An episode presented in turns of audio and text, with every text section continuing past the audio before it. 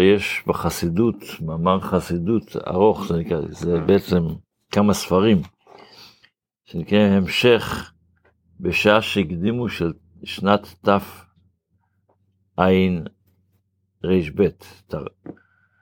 שאמר אותו האדמו"ר הרש"ב.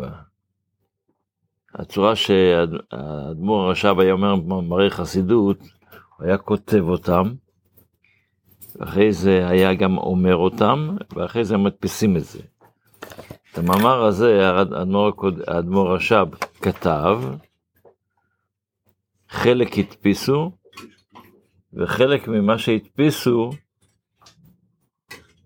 חלק מה שעדיין כתב, הוא כתב עוד לא הדפיסו.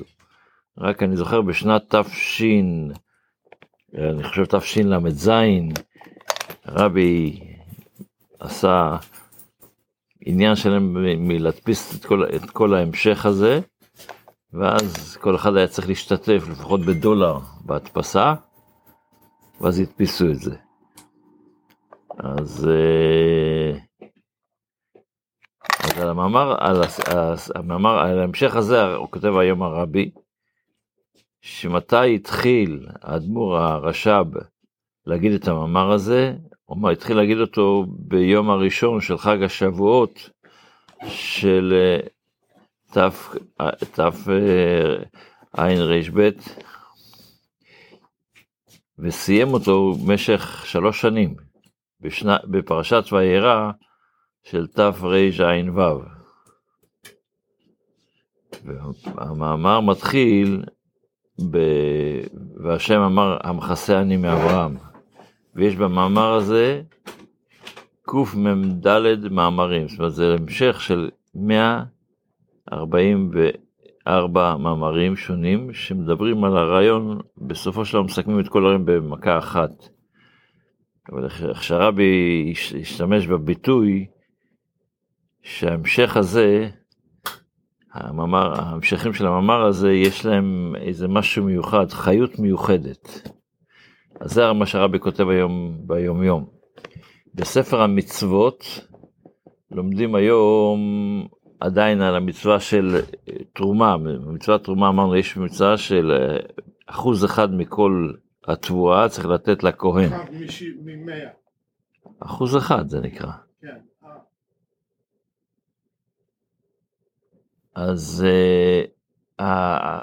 התרומה הזו מי שיכול לאכול את זה זה כהן, אבל יש לזה עוד מגבלות.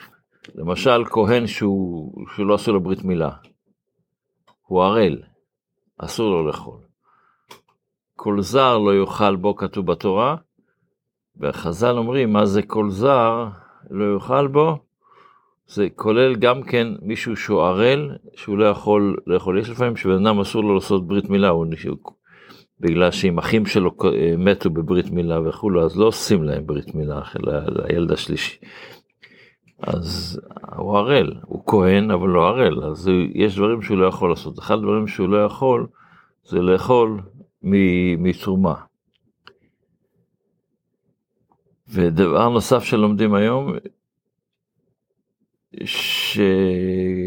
שתושב כהן ושכיר לא יאכל קודש, אז גם זה, תושב, אני לא זוכר, זה גם אותו דבר, זה, זה גם הדברים שאסור לו לאכול בתרומה. זה המצוות שלומדים היום בספר המצוות. בתפילה אנחנו בעקידת יצחק. אז אנחנו התחלנו, למדנו שהקדוש ברוך הוא אמר לאברהם, קח לך, קח נא את בנך, את יחידך, אשר אהבת את יצחק. וכמו שדיברנו מה המיוחד שהקדוש ברוך הוא מצווה את הצורה שהקדוש ברוך הוא מצווה את אברהם זה בעצם גם אותנו. ואחרי זה אומר לך לך אל ארץ המוריה ועלהו שם לעולה על אחד הערים אשר אומר אליך. אז יש כאלה שמסבירים שהקדוש ברוך הוא אמר לאברהם לך לך, היה צריך להגיד לך לך אל הר המוריה ועלהו לעולה. למה הסדר הוא לך לך אל ארץ המוריה, ועלו שם לעולה, על אחד הערים אשר אומר אליך. למה זה פרשת לך לך? אנחנו לומדים את העקדה היום, בתפילה. אז אז מה, למה זה צורה כזו? אומר המדרש דבר מעניין. בתחילה זה לא היה הר, זה היה מישור. כשהקדוש ברוך הוא רצה לעשות את בית המקדש, זה היה, לא היה הר, אלא היה מישור, כך אומר המדרש. רק בגלל שההרים שה, שמעו שהקדוש ברוך אומר לאברהם אבינו להעלות את יצחק לעולה, אז הם הפכו להרים. זאת אומרת, ההר נהיה הר אחרי הציווי. צריך להיות הר? כי הם רצו לעשות שזה יהיה במה. שיש, הם רצו...